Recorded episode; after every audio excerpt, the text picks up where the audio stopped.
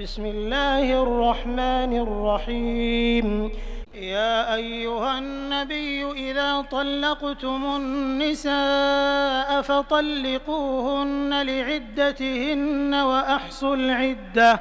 واتقوا الله ربكم لا تخرجوهن من بيوتهن ولا يخرجن إلا أن يأتين بفاحشة مبينة وتلك حدود الله ومن يتعد حدود الله فقد ظلم نفسه لا تدري لعل الله يحدث بعد ذلك أمرا فإذا بلغن أجلهن فأمسكوهن بمعروف أو فارقوهن بمعروف وأشهدوا ذوي عدل منكم وأقيموا الشهادة لله ذلكم يوعظ به من كان يؤمن بالله واليوم الآخر ومن يتق الله يجعل له مخرجا ويرزقه من حيث لا يحتسب ومن يتوكل على الله فهو حسبه إن الله بالغ أمره قد جعل الله لكل شيء قدرا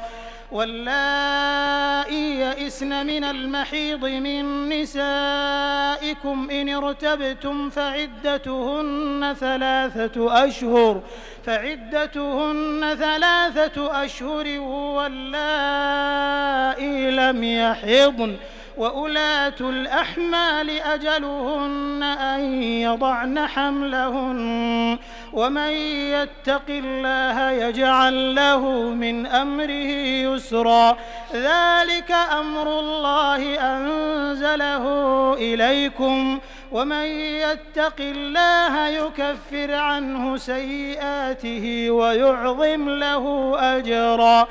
أسكنوهن من حيث سكنتم من وجدكم ولا تضاروهن لتضيقوا عليهم وإن كن أولات حمل فأنفقوا عليهن حتى يضعن حملهن فإن أرضعن لكم فآتوهن أجورهن وأتمروا بينكم بمعروف وإن تعاسرتم فسترضع له أخرى لينفق ذو سعة من سعته ومن قدر عليه رزقه فلينفق مما آتاه الله لا يكلف الله نفسا إلا ما آتاه آتاها سيجعل الله بعد عسر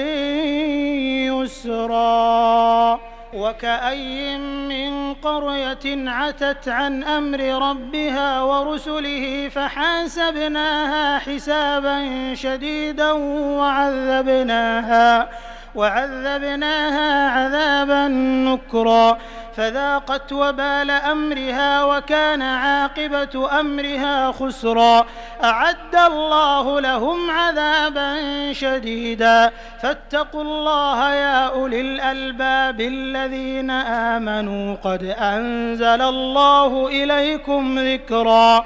رسولا يتلو عليكم آيات الله مبينات ليخرج الذين آمنوا ليخرج الذين آمنوا وعملوا الصالحات من الظلمات إلى النور ومن يؤمن بالله ويعمل صالحا يدخله جنات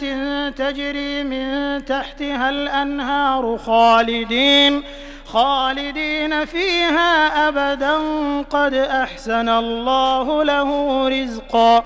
الله الذي خلق سبع سماوات ومن الأرض مثلهن يتنزل الأمر بينهن لتعلموا